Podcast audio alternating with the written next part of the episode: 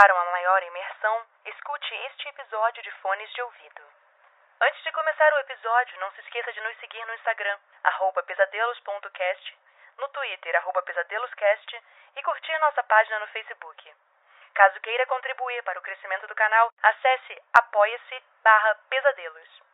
Aproveite o episódio e tenha bons pesadelos.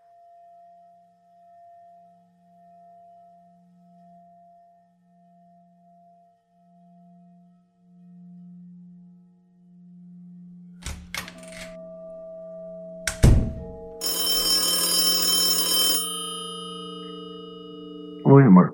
Tudo bem, sim. Eu acabei de chegar aqui no escritório. A gente vai continuar a entrevista com o tal do exorcista lá. Bom, eu não sei. No começo as histórias pareciam reais, mas agora com esse negócio de anjo, eu não sei.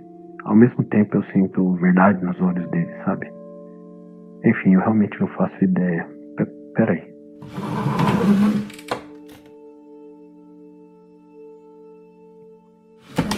Desculpa. Eu acabei de ver uma coisa aqui e eu não tô acreditando. Antes de terminar a entrevista ontem, eu pedi para que ele provasse de algum jeito que essa história do anjo, se fosse real, se manifestasse, sei lá. E tinha um copo de vidro em cima da mesa. Eu, descrente, pedi para ele quebrar o copo. Ele saiu andando meio bravo e disse que não tava para provar nada para mim.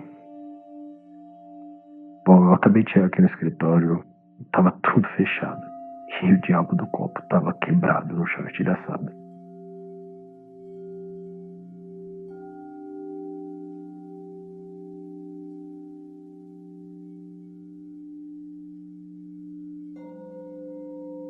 Relatos de um Exorcista, temporada 2, episódio 1, por William Camargo e Tiago Barreto.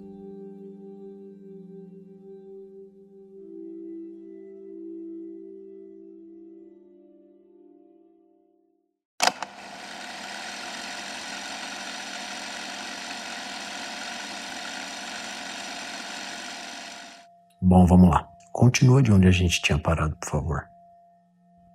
Ué, você acredita agora? Parecia tão descrente ontem.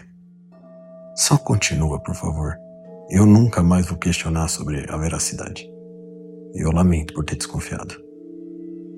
Bom, vamos lá. Eu acordei dois meses depois. Meu corpo foi encontrado quase sem vida, junto com aqueles dois lunáticos que entraram para me matar. A polícia constatou que foi uma tentativa de assalto. E honestamente, aqui em São Paulo, naquela época, gente morta de madrugada era tão comum quanto artista usando droga.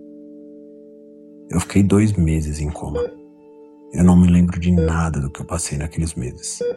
Mas quando acordei naquele quarto de hospital, eu sentia minhas pernas como se fosse jovem, minha visão perfeita, e o som de tudo parecia claro na minha cabeça.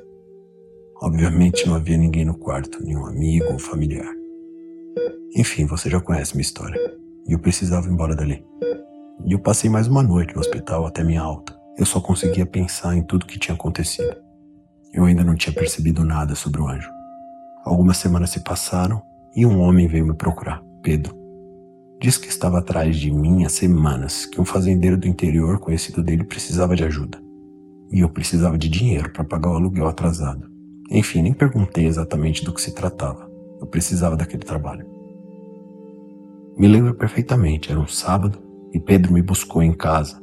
No caminho para o interior, ele me contou toda a história. O fazendeiro se chamava Juan.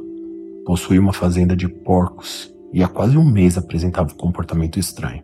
Levaram ao médico e a saúde estava perfeita, mas quando voltou estava extremamente violento e falando coisas sem sentido. E é sempre bom perguntar o que é dito. Com a experiência, eu descobri que isso às vezes pode te salvar. Mas Pedro não sabia muito. Disse que o homem dizia coisas que ninguém entendia.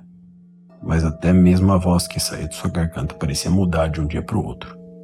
Não parecia um alarme falso. Juan era religioso e esses são os alvos mais fáceis para esses seres. Bom, a gente chegou na fazenda. Logo que eu coloquei o pé lá, eu senti aquele mesmo calafrio de sempre. Um mal-estar que sempre vem acompanhado de uma leve tontura. Foi quando Pedro adentrou a casa. Eu fui em seguida. O cheiro era horrível. Subindo as escadas, eu percebi que aquele homem estava possuído há tempo demais. Subimos as escadas para o cômodo de cima e passamos por um corredor.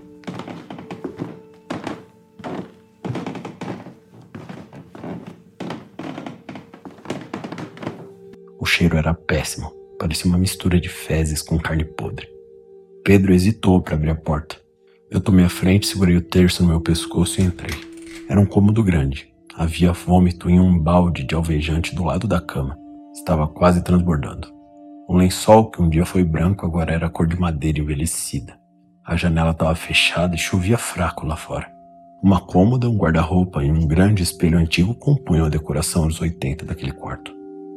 Mas nenhum outro homem possuído me chocou mais que aquele. Tratava-se de uma massa de carne de mais de 200 quilos espalhada feito um cadáver na cama. Sua respiração era pesada e cheia de ruídos. Parecia um paciente terminal. Sua barriga estava esticada, peluda e cheia de estrias abertas. Haviam moscas pousadas em sua boca e seu olhar era vazio, travado para o teto. Havia tanta gordura naquele corpo que a mobilidade era quase inexistente. O cheiro era ainda mais forte ali. Úlceras pigmentavam o corpo inteiro em um vermelho e branco. Aquele homem não tinha muito tempo. Eu não demorei e comecei a entoar as palavras. Era como se minha memória estivesse limpa. Assim que as primeiras palavras saíram de meus lábios, a criatura se mexeu. O estrado da cama quase cedeu.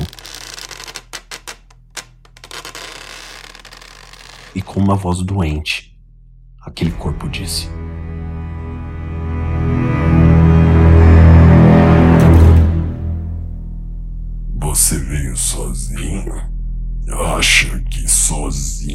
vai conseguir nos tirar daqui? Esta alma já é nossa. Juan fez sua escolha há muito tempo.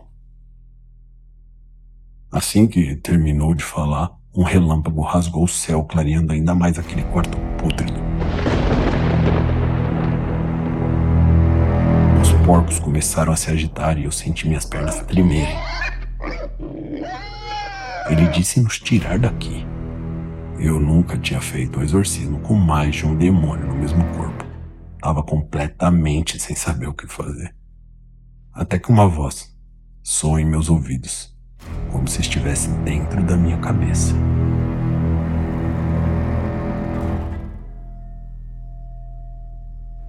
Marcos Parcam Sapsakshiniyaso. Os porcos. Os porcos. Então olhei pela janela, peguei minha medalha de São Bento e encostei na cabeça daquele homem. Pude ouvir o lamento de mais de um ser dentro daquele corpo. Eram tantos demônios que a carne de Juan estava esticada, quase se rasgando. Então eu ouvi a maldita voz. Eu olhei pela janela e vinham cercados os porcos que a voz falou. A moeda de São Bento ainda estava quente, mas eu sabia que não tinha sido bastante. Juan deu seu último grito, até eu tirar a moeda e arremessá-la pela janela em direção aos porcos. Quando eu arremessei a moeda, pude ouvir vozes guturais gritando: Eu sou Região! O quarto inteiro estremeceu e quando a moeda caiu no chão,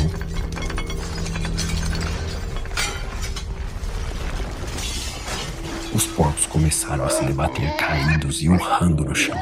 Um a um foi parando de respirar. E o que aconteceu com o Han? Ele foi internado por mais cinco dias e depois faleceu. Adivinha só, para conta de quem que vai entrar essa morte. Mas pelo menos sua alma foi para onde ela deveria ir. Tá em paz agora. Naquele mesmo dia, Antes de dormir, eu conversei com ele pela primeira vez. Eu demorei a pegar no sono, mas adormeci e no sonho escutei a voz novamente, acompanhada de um calor confortante.